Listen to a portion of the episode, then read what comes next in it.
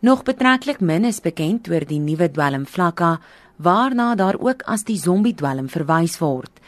Dit is 'n sintetiese dwelm wat glo chemies soortgelyk is aan die natuurlike stimulant kat. The, the most important thing is to keep them calm while they're still very high. So not to self-harm or harm anybody else. And, you know, the prognosis that we've been given is that it's very, very poor to treat flakka. Because it's so new and not enough research has been done. So I think it's going to be as scary as trial and error.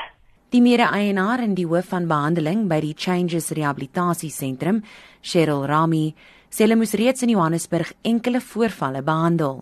Because addiction is about more, people are very willing once they've tried a few different narcotics, they're very keen to take their highs to different levels. And if it's presented, they will try.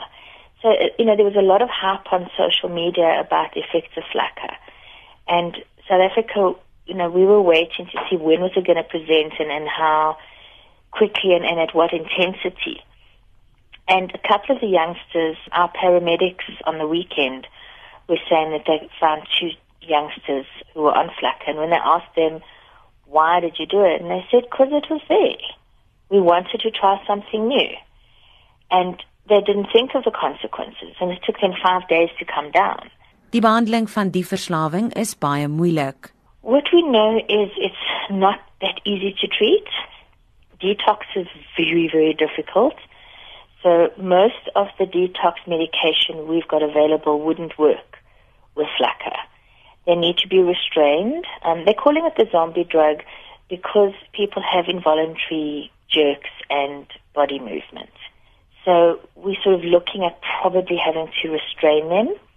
We're not sure which drugs would sedate, subdue, and calm them down.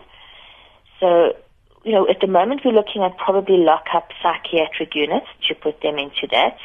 Or we're going to have to probably use jails because they become almost have superhuman strength. Their body temperature increases and they literally lose their minds.